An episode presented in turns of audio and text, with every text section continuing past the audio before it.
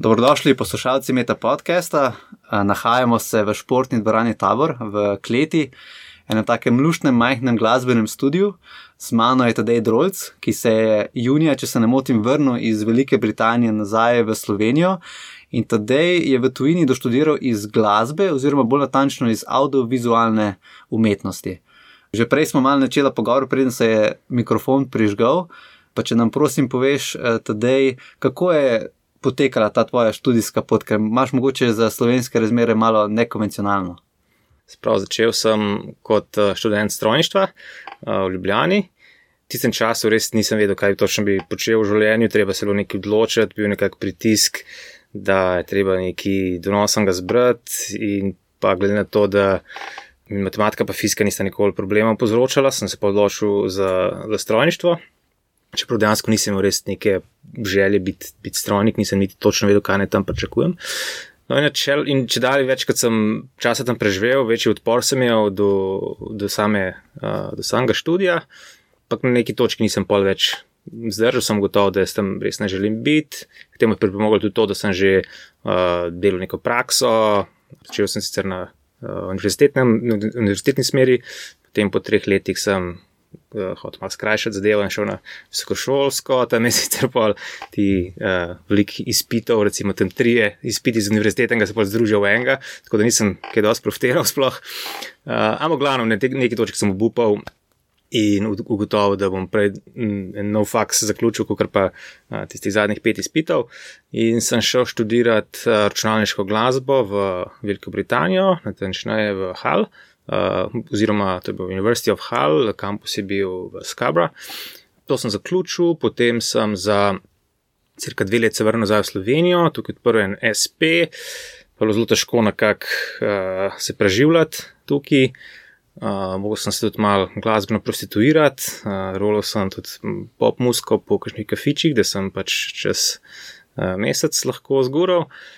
Tem sem pa imel neko željo, nek audiovizualen projekt realizirati, ampak nisem imel v bistvu časa, ker, ker mi pač eh, stali projekti, ki sem jih delal, uh, sem jih vse čas pobral. In sem zelo, zelo po nesreč, po nečunem ključu, najdel tole štipendijo v, na tej univerzi v Huddersfieldu, kjer sem uh, potem tudi doktoriral. In sem se prijavil, uh, sem imel pač srečo, sem je dobil. Potem sem se prijavil še na Ministrstvo za kulturo za štipendijo za podiplomske študije v tujini, ker je bila ona mal premehna za nič delati in sam študirati. Tudi da spal nekako z obema štipendijama skupaj, sem pač lahko se res 100% študil po svetu in uh, tudi uh, pred kratkim doktoriral. Ja, nisem pa nobenega magisterija delal.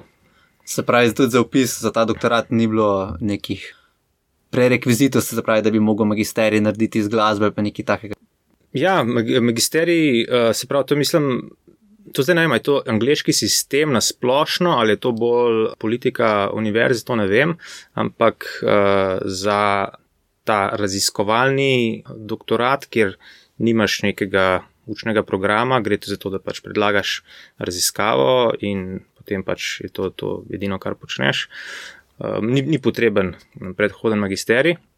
Kako si se pa preživljal na tem dodiplomskem študiju, ko si šel v Anglijo, koliko si bil takrat star? Uh, Hm, takrat sem bil star, jaz sem kar dolg časa porabil na strojni fakulteti, tako da mislim, da to je bilo.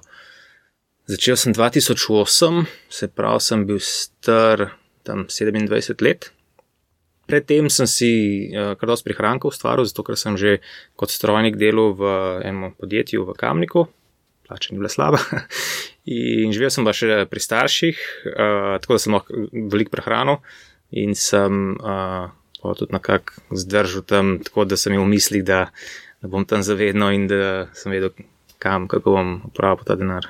Ko se reko, se najde po naključju to štipendijo za tudi ta program. To je ena univerza blizu Lica. Um, se mi zdi zelo tako specifična. Tudi program se mi zdi zelo tako specifičen. Recimo, kot si rekel, je bil to raziskovalni doktorat, se pravi, niste imeli tudi nekih izpitov ali pa nekih takih pač obveznic, ki mogoče jih um, tukaj v slovenskem prostoru pač poznamo pod okvirom mhm. doktorata, kjer pač moraš opraviti neke predmete, da lahko napreduješ v naslednji letnik. Uh mhm. -huh. Kako si sploh um, na, naletel na to? Ok, se pravi. Univerza v Huddersfieldu uh, ima zelo, zelo močen uh, glasbeni oddelek, gre v bistvu uh, znanje po uh, tako rekoč New Music, raziskovalnem oddelku, reče samo CRNM, uh, Center for Research in New Music. In ta oddelek je svetovno znan, tle um, uči kar nekaj zelo, recimo, temu elitnih profesorjev. Jaz tega takrat nisem sploh vedel, In se to slučajno je bilo, da sem kupoval neke plagine za nek glasbeni softver, ki se jim reče GRM Tools, uh, z nekim bolj akademski uh, softver, oziroma saj s tem zadeva izhaja. In je bilo tako, da imaš nek popust na te plagine, če se včlanaš v nek klub njihov, in sem, in sem se včlanil, in potem sem dobil nekaj maile od njih. In na, tem, ki so imeli neke job opportunities, uh, je bila v bistvu uh, ta štipendija. In potem se je izkazalo, da tam uči tudi, uh, oziroma ravno začel učiti moj bivši profesor iz, uh, iz prejšnje, iz, iz dodiplomskega študija. Takrat sicer še ni bil profesor, tam je bil samo kot asistent in samo za pol leta, tako da sem imel ravno srečo, da sem ga ujel. On mi je bil daleč najboljši uh, pač, uh, učitelj tam na, na tej na tem faksu, on je ekspert za digitalno procesiranje signalov. Uh, med drugim je tudi uh, naredil uraden konvolucijski reverb za Ableton Live. Ja, njega sem potem kontaktiral, malo več povprašal o celem oddelku in to, in ugotovil, da je to to. Pol pa ja. Kako pa je izgledal, recimo, sam študij, se pravi, ja. um, nek raziskovalni doktorat, kakšne so bile tvoje omejitve, pa to si imel zelo proste roke in vso infrastrukturo na voljo, tako da si lahko res um, si imel, ne vem, čist kreativno pot, tako kot si, jo ti želel, ali kakšne so tu limite. Ok, se pravi, uh, okay, se pravi zdaj se začne z neko. Uh, z neko predlogom za raziskavo, in tle imaš popolnoma svobodno pot, pač uh, ta neka, recimo, temu žirija, pač to oceni in, in uh, ugotovi, ali je to pač neka zanimiva stvar, neki, neki pač potencialno, da prinaša neko novo znanje, ta raziskava, ne, to je pač potreba vsakega doktorata. Potem pa tudi letno imaš, uh, temu se reče, progression monitoring, mislim, da se pravi, te narediš neko poročilo in potem te stisnejo kot in te uh, pač pečejo na žaru tam dve ure. In pač, če to živ prideš ven, potem greš v drugi letnik, oziroma lahko dobiš tudi neke popravke in tako naprej. V bistvu kot nek mini doktorat, ki ga moraš vsak, vsako leto narediti. Kakšno si pa imel, recimo, na voljo infrastruktura tam, kjer si? Infrastruktura, ja. ja. Se pravi, okay, glede na to, sem delal audiovizualno raziskavo na um, bolj, recimo, glasbenem modelku, so bile neke stvari, ki sem jih, recimo, tam pogrešal. Ampak, ko so videli, da smo določeni študenti tam, ki pač resno delamo, kar delamo, in da določene stvari manjka, se je pač te stvari kupili. Tako da nekako vse stvari, ki so bile res nujno potrebne, so bile dostopne. Kaj je naslov tvojega, tvojega doktorata in kdo je tvoj mentor? Prav, naslov mojega doktorata je Composing with uh, Isomorphic Audiovisual Gestalts. Se pravi, če bi to na kak malo bolj preprostem jeziku povedal, gre za to, da poskušam ustvarjati neke audiovizualne objekte. To je, so digitalni, bolj recimo temu abstraktni audiovizualni objekti, ki so sestavljeni iz, iz elektronskega zvoka, oziroma elektroakustičnega zvoka in digitalnih vizualizacij.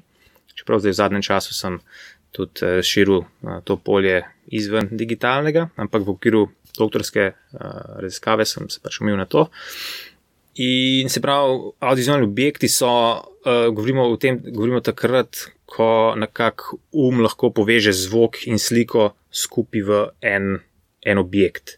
Recimo, če bi se fokusiral na, če bi mi gledal v ustnice, kako govorim, in ker se ustnice premikajo sinhronizirano z zvokom, ki prihaja iz ustnic, vemo, da ta zvok in te ustnice pašijo skupaj, zvok nastaja ker sem delal sem vedno take neke real-time audiovizualne objekte, ki funkcionirajo v bistvu kot inštrument. Zato, ker recimo, če sem premikal, uh, se pravi, uh, vizualni del uh, je sestavljen ponovadi pri meni iz neke 3D geometrije. In če sem z nekim kontrolerjem lahko recimo premikal to geometrijo, je ta premikanje geometrije ustvarjalo zvoke, ritme, uh, tako da sem lahko pol, kot bi rekel, igral te audiovizualne objekte. Ne. In v bistvu kako komponirati potem s temi objekti, bil nekak, uh, bila nekakšna tema uh, moje raziskave. Se pravi, ti imaš tudi en duet, če ga lahko tako pomenujem, mm. ta Sin Species, upam, da sem ja. prav um, izgovoril, ne, kjer sodeluješ z enim španskim umetnikom, ja. če se ne motim, ki on skrbi bolj za glasbeno, ti pa bolj za to vizualno, se pravi, on je bolj ja. DJ, ti pa bolj VJ, če lahko ta žargon uporabim. In jaz sem gledal te posnetke, so mi fantastične, ne, mm -hmm. kot si rekel, iz teh poligonov. Ko imaš tak 3D meš, ki se potem pač mm -hmm. um, premika. In um, če sem prav zasledil v enem intervjuju, ne se pravi, pač se odziva zvok na te tvoje 3D modele, obratno je to neka čist uh, sinestezija, ki, ki pol iz tega pride. Recimo, to je bil moj, moj sopomen, ker sem gledal te videe in sem, sem razmišljal o tem, kako ljudje, ki pač tudi vidijo barve in oblike, ko poslušajo glasbo, ne, si predstavljam mogoče nekaj takega. Ne, se pravi, uh mhm. -huh. nore oblike, barve, ki res uh, uh -huh. korelirajo s tem, kaj, um, kaj slišimo. Ne. Ja, se pravi, uh, kako stvari potekajo na tehničnem nivoju, ali se zvok odziva na sliko, ali slika nastaja iz zvoka, ali karkoli že. To je zelo odvisno od vsakega, uh, vsake kompozicije posebej. Uh, v nekih je to zelo prepleteno, probam skakati med obemi. Dobemi ekstremi. V tem primeru, sin Species, ki si ga omenil, gre pa enostavno za to, da se da kolega naredi glasbo, jaz potem naknadno naredim vizualizacijo ampak se tudi tekom procesa zelo, zelo usklajuje, zato ker hočeva, da oboje skupaj deluje, deluje kot eno. Uh, in se pravi, uh, doskrat imamo mogoče nek vizualen scenarij, ki ga on potem že medtem, ko komponira glasbo, upošteva. Oziroma, mogoče kdaj, ko um, vem, on z zvokom nekaj naredi, jaz javim, da to ne bo funkcioniralo vizualno zaradi tega in tega, lahko popraviš to, bla bla. Uh, tako da se skozi nekako prilagajava en drugemu, v bistvu in tudi on potem lahko meni, seveda, nazaj nek feedback da, ne, in v bistvu bi lahko rekel, da ima oba neko tako uredniško vlogo čez oba medija. Ko sem gledal te tvoje posnetke, um, če sem te prav razumel, se pravi, ko imate nastope, se to v realnem času vidi to skupaj, se pravi, nekako. Um, producirata, recimo, v realnem času. Me je pa spominjalo, recimo, te tvoje 3D geometrije, ki se spominjajo kot na nek genetski algoritem, ki mutira. Um, Se pravi, da bi ga recimo, ti sprogramiral naprej ne, in potem bi zadeva čist uh, mutirala po svoje in se čist po genetsko pač, um, razvijala. Si kdaj tudi kaj v to smer šel, se pravi, da si pač, ne vem, sprogramiral nek genetski algoritem, ki potem pač mutiral tvoje geometrijske in glasbene sekvence naprej? Ne, to, to nisem. Uh, vse pa me pa, pa zelo z, pač zanimajo deformacije. Ne, recimo, kar je mogoče zanimivo, kar se tiče tega projekta Sinspišis, je to, da je vse material, ki ga tam recimo, uporabljam trenutno, prihaja iz enega samega vizualnega 3D objekta, relativno majhen, ampak in se pač osredotočam v bistvu na deformacije, različne perspektive, da zgleda, da je reč nek bogat vizualni. Nek izhodiščni material prisoten, pa resnici ni, ne, je samo za deformacije enega, enega in istega. Tako da neke deformacije me definitivno in neke navidezne mutacije uh, me definitivno zanimajo, nisem pa nikoli probal nekih, nekih dejanskih algoritmov. Kakšne so bile hipoteze, ko si šel v, v doktorat in pač kaj je bil recimo tvoj zaključek, potem kaj si potrdil, vrgel, se pravi, ti si, se, um, si, si pomagal tudi s to teorijo geštalte, se pravi, kot dojemanje neke celote, te audiovizualne, ne pač s kakšnimi hipotezami si šel noter in kaj si potem s svojim raziskovanjem odkril. Se pravi, to se je zelo spremenjalo uh, tekom teh skoraj petih let, oziroma recimo štirih let do dejanske oddaje. Tako da bi lahko rekel, da kar sem na koncu raziskoval, je bilo zelo drugače od tega, kar sem od neke začetne, um, uh, začetnega predloga za raziskavo. Raziskovanje nek, nekih bolj, recimo, temu naravnih elementov in pa strogo umetnih ali ravna črta, ravna ploskov, na nekak mikro in makro nivoju, se pravi na makro nivoju, bi lahko rekel na nivoju forme, da se uh, mogoče stvari ne gremo iz ne vem, to, kar imaš v glasbi, imaš, imaš eno sekcijo A. in potem greš v B in se A ponovi. Jaz sem tukaj mogoče uh, situacije, kjer se je stanje A počasi, počasi spremenja in nekako pride zvezno do stanja B. To je bil recimo nek tak bolj naraven proces spreminjanja. In pa to kombiniral z raznimi hitrimi rezi, in to tudi na nivoju, pol, ali mikro nivoju, zvoki, oblike in tako naprej. Se pravi, sem raziskal, kako to funkcionira, kako s tem komponirati. Tem je bilo uh, v bistvu nek nehierarhičen pristop k audiovizualni kompoziciji. Se pravi, načeloma se vedno komponira tako, da se ali najprej naredi muzika, potem vizualizira, ali, ali se pač naredi vem, film in posledice tega v glasbi. Um, jaz sem tle že tekom ene kompozicije skakal skozi med različnimi tem hierarhijami, nekje sem nekaj vnaprej skomponiral, pa potem vizualiziral ali, ali obratno. Uh, in, in večino časa je šlo to za zelo hitro izmenjanje med obemi mediji, lahko sem samo pač en parameter obrnil na zvoku, pa sem potem že na sliki delal in, in, in tako naprej. Ne. Se pravi, uh, proba sem se nekako te klasični paradigmi izogniti in potem so me zanimali, kakšni, kakšne potencijale estetske to, to ponuja. Ne. Šlo pa za, za estetsko raziskavo, tako da tle vedno na koncu je v bistvu nek, neko subjektivno mnenje, ki, ki uh, ničesar ne meriš, ne. Ki nekako um, um, utemeljuje zdaj uspešnost ali neuspešnost rezultatov. Ne?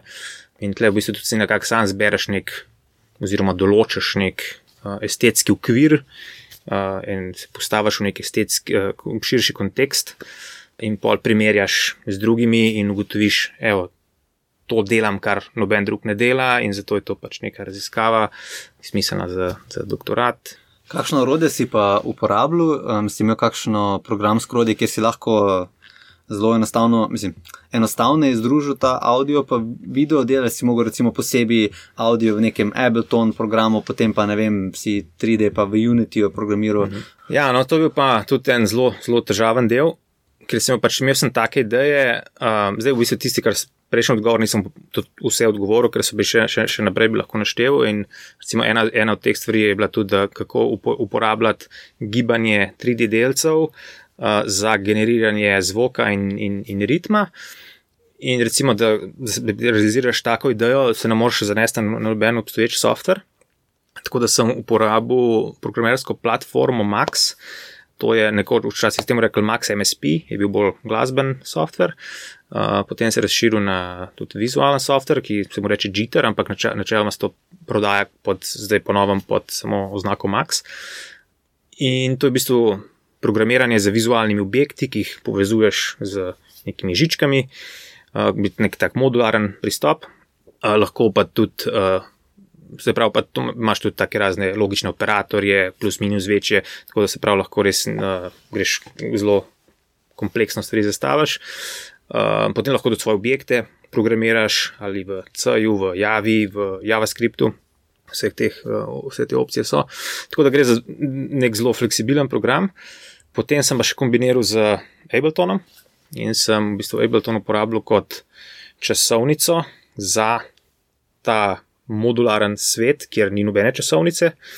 Um, in v tem, uh, se pravi, recimo, temu, da v tem Maxu sem delal vse, kar se tiče procesiranja geometrije. In z geometrijo mislim to, te 3D uh, strukture, vse te deformacije se tam dogajajo in potem okolje, te, te, te delci ustvarjajo neke zvoke ali pa ritme, se to vse dogaja v, uh, v tem Maxu. Oziroma, včasih tudi pošiljam potem MIDI signale, triggerje v Ableton. V Abletonu pa v bistvu avtomatizacijo uporabljam in potem jih preko Max for Life, ki je v bistvu nek umesen software. Um, pošiljam, spremenjam avtomatizacijo v UDP message, to, so, to je inter, uh, internetni protokol, um, ki pa kontrolirajo um, stvari v, v Maxu. Tako da gre za dvostransko komunikacijo med obema programoma. Ja, v bistvu sem si nek ta modularen sistem na tem mogel sam zgraditi, da sem to lahko pač delal. Pardon, da sem te prekinil. Um, kaj pa so sprožilci, recimo, ko si ti te 3D geometrije zasnoval? Ne? A je bilo to um, ne vem, nek, neko gibanje teh, recimo poligonov, če so bili poligoni, neki preseki, število teh, naklon, gradienti, ali pa recimo, če smo iz glasbe, ne vem, da, da so bili baseni čez določen prak in potem, kako je to, preko katerih nekih pragov je to med sabo soodvisno, audio pa, pa, pa video. Ok, ja, tle to, to, tle, to, to, to lahko bi zelo na dolg, na dolg tle govoril. Doskrat gre za neke, okay, tle lahko bi recimo govorili o mikro in makro parametrih. Ne? Recimo mikro so res te tehnične povezave, kjer bo mogoče glasnost nekega zvoka direktno kontrolirala nek vizualni parameter. Potem so pa tukaj še makro parametri, ki gre pa bolj za nek feeling, ki mogoče se čudi, da neka, ne vem, neka kompleksna glasbena fraza, ne vem, naredi neko, ne vem vrtinčenje ali nekaj, in potem pač probaš to narediti in nekako sinhronizirati z, um, z glasbo, ne? oziroma slik in zvok, zvok in sliko. Ne? Vsaj recimo, mogoče kak, kakšen poslušalec moje starosti se spomni Vina Empa, pa njegovih vizualizacij, uh -huh. um, ki si gledal zraven. Uh Mhm. -huh. pač, kaj bi rekel, da, recimo, da je razlika med temi vizualizacijami, ki jih ti delaš, pa recimo tistimi, ki jih lahko vidimo v programih, kot je Vina Empa. Ja, glavna razlika je to, da gre tle za neke, um, v primeru Vinampa in doskrat tudi v primeru Vidžanja, gre za neke recimo, statične audiovizualne odnose. Recimo bas, mogoče nekaj sprožil na, na sliki. Ne? In ko to gledamo več časa, mi dojamemo, zakaj se gre, dojamemo ta vzorc, in uh, zelo se zgodi, da postane zadeva malo dolgočasna. Več ni nujno, to je seveda stvar subjektivnega okusa.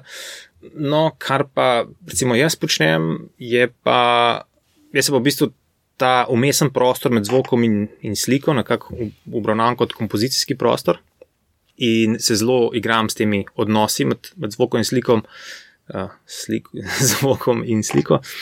In doskrat mogoče izpostavim neke, neke odnose in nekako na trenutku, ko se mi zdi, da poslušalec gledalec dojame, zakaj se gre, jih uh, prekinem in naredim recimo druge povezave, uh, ali pa jih menjam tako na hitro, da, da lahko stvaram nek občutek neke zmedenosti, mogoče pri gledalcu, poslušalcu. V osnovi gre še vedno, vedno za to, da pač delam neko, neko potovanje, ne vse kompozicije so kot nek nek, nek trip, pomemben kompozicijski parameter so mi ravno odnosi, ta prostor med, med zvokom in sliko. Včasih so stvari tesno sinhronizirane, včasih sploh niso in to se lahko mena zelo hitro in na različne načine. In pač poskuš, vedno poskušam najti ta prav trenutek v kompoziciji, ko ima smiselno določeno stvar spremeniti in pa še uvideti, kaj in kdaj. To je nekako, kaj, kar delam. Ja. Zdaj si že ene, recimo, več kot pol leta v Sloveniji, s čim se pa zdaj ukvarjaš, se pravi, še vedno imaš neke svoje glasbene projekte, ali se ukvarjaš bolj z nekim visual DJ-jem, VJ-jem, kaj je um, naslednja stopnica za, za TD. Ok, se pravi, trenutno, sem, mislim, pred, pred kratkim sem zaključil uh, en projekt uh, z naslovom Žrkolom, ki sem ga zdaj premjerno predstavil v Kinu Šiška decembra. Tukaj sem uporabljal laserje. Z laserji sem streljal v ukrivljena ogledala in sem recimo tudi zelo presenečen, uh, ker sem gotov, da kaj se dejansko zgodi, ko z laserji streljamo v ukrivljena ogledala. Recimo, spomnim se iz, uh, iz predavanj fizike, optike, ne, smo se pač se, recimo, te, te stvari učil, ne, bolj tam smo o nekaj le, lečah govorili. Ne.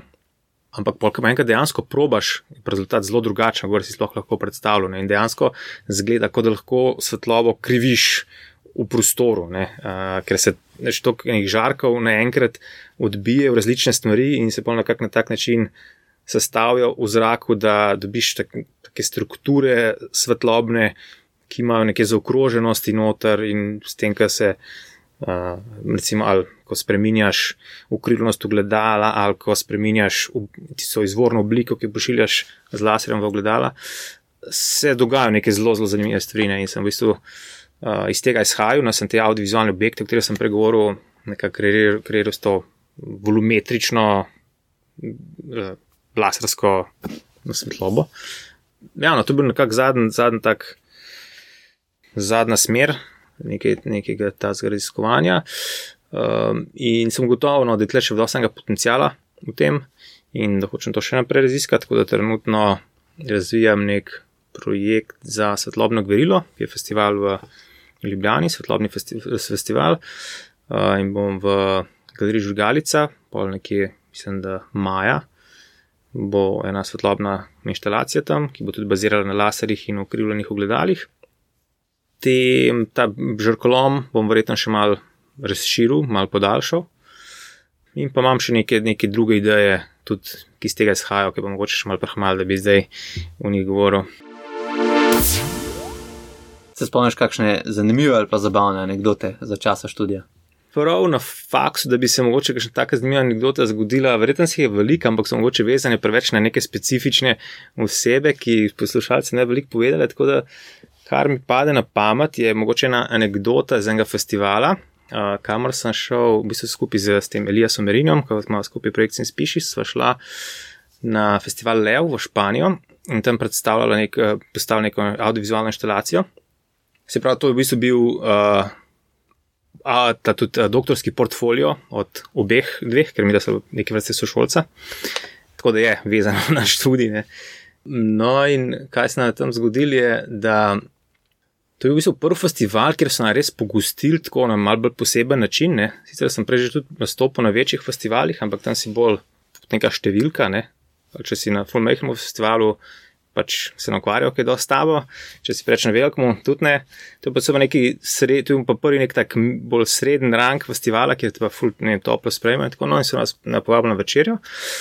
In tam je bil zraven še pač neki ljudje, med njimi, uh, ki jih pač kot umetnik izredno cenim, med, med drugim tudi uh, Murkov, ki je bil, uh, bil sem res uh, totalen fan Murkova uh, svoje čase.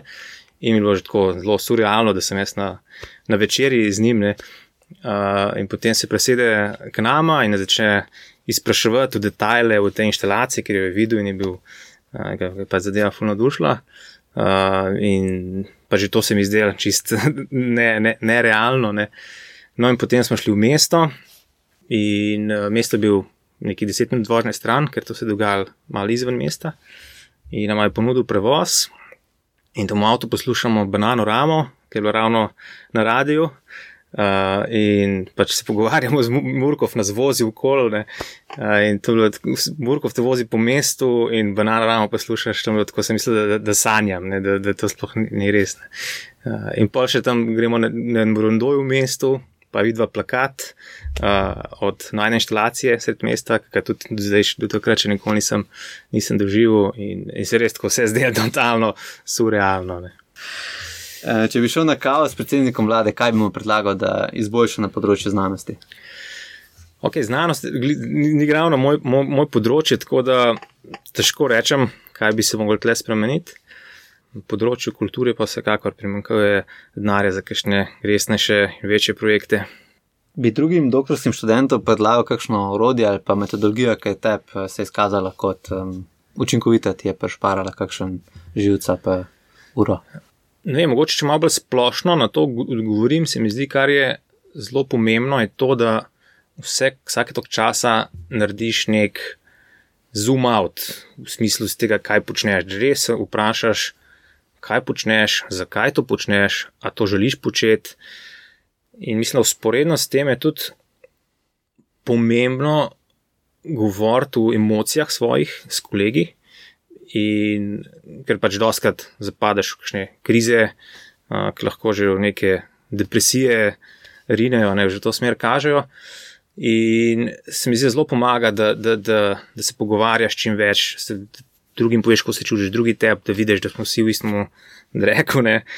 Um, in se mi zdi tudi to, to pomaga, ker ta zoom out delaš, ne, pomaga razumeti zakaj res ne, neki delaš. Ne? Recimo, konkreten primer bi bil, da mogoče, ok, se ugotoviš, da ja, to je res ta prava raziskava za me, to res želim delati.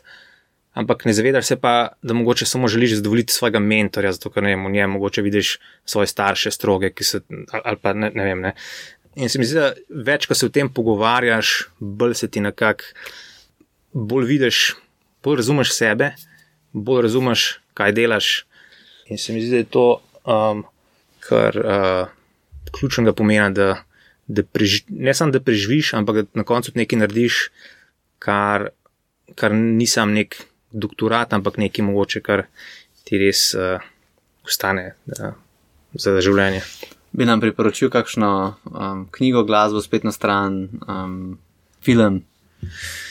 Fuf, ja, ne vem, če bi me vprašal to, mogoče deset let nazaj, bi ti zdaj cel spisek stvari predlagal, um, zdaj pa težko, težko na eni strani sem mal nek, nekaj tega fenovstva, ki sem ga včasih imel, mi dost nekako se je raztopil, na drugi strani sem tudi uh, postal oče, tako da sploh nimam časa gledati ne filmov, ne ničesar in sem mal ven, ven od vsega. Uh, tako da mogoče, če bi predlagal film, ki sem ga največkrat videl, ki je mogoče najbolj vpliven, ampak ga tudi nisem zelo dolgo videl, tako da ne vem, če se še strinjam sam s sabo. To bi bil uh, Stalker od uh, Andreja Trkovskega. Če bi lahko povabil na večer kogarkoli, s kom bi šel na večer? Evo, to je pa še eno vprašanje, na katerega težko odgovorim iz, iz, istega, iz istega razloga. Ne vem, po mojem, da če bi, mislim, da mi toliko časa primankuje in ne vem, po mojem, da bi šel kar z enimi dobrimi prijatelji, ker na, na, večerjo najraž, raž kot pa uh, s komorkoli drugim, ker uh, prideš v del življenja, ker je časa tako malo, da mogoče to pa bolj cenaš kot pa večerja s kakšnim vzornikom. Poslušali ste Meta podcast. To je oddaja, v kateri se pogovarjamo z mladimi znanstveniki in znanstvenicami z različnih področji znanosti. Podcast domuje na spletišču metinalista.si, kjer najdete tudi druge zanimive znanstvene vsebine. Naše delo lahko podprete z donacijo Metini listi. Pohvale, pripombe in predloge lahko posredujete po e-mailu znanost.afna.metinalista.si. Dobrodošli so tudi komentarji na Facebook profilu Metina liste in na Twitterju afna.metina lista, kjer uporabite hashtag metapodcast.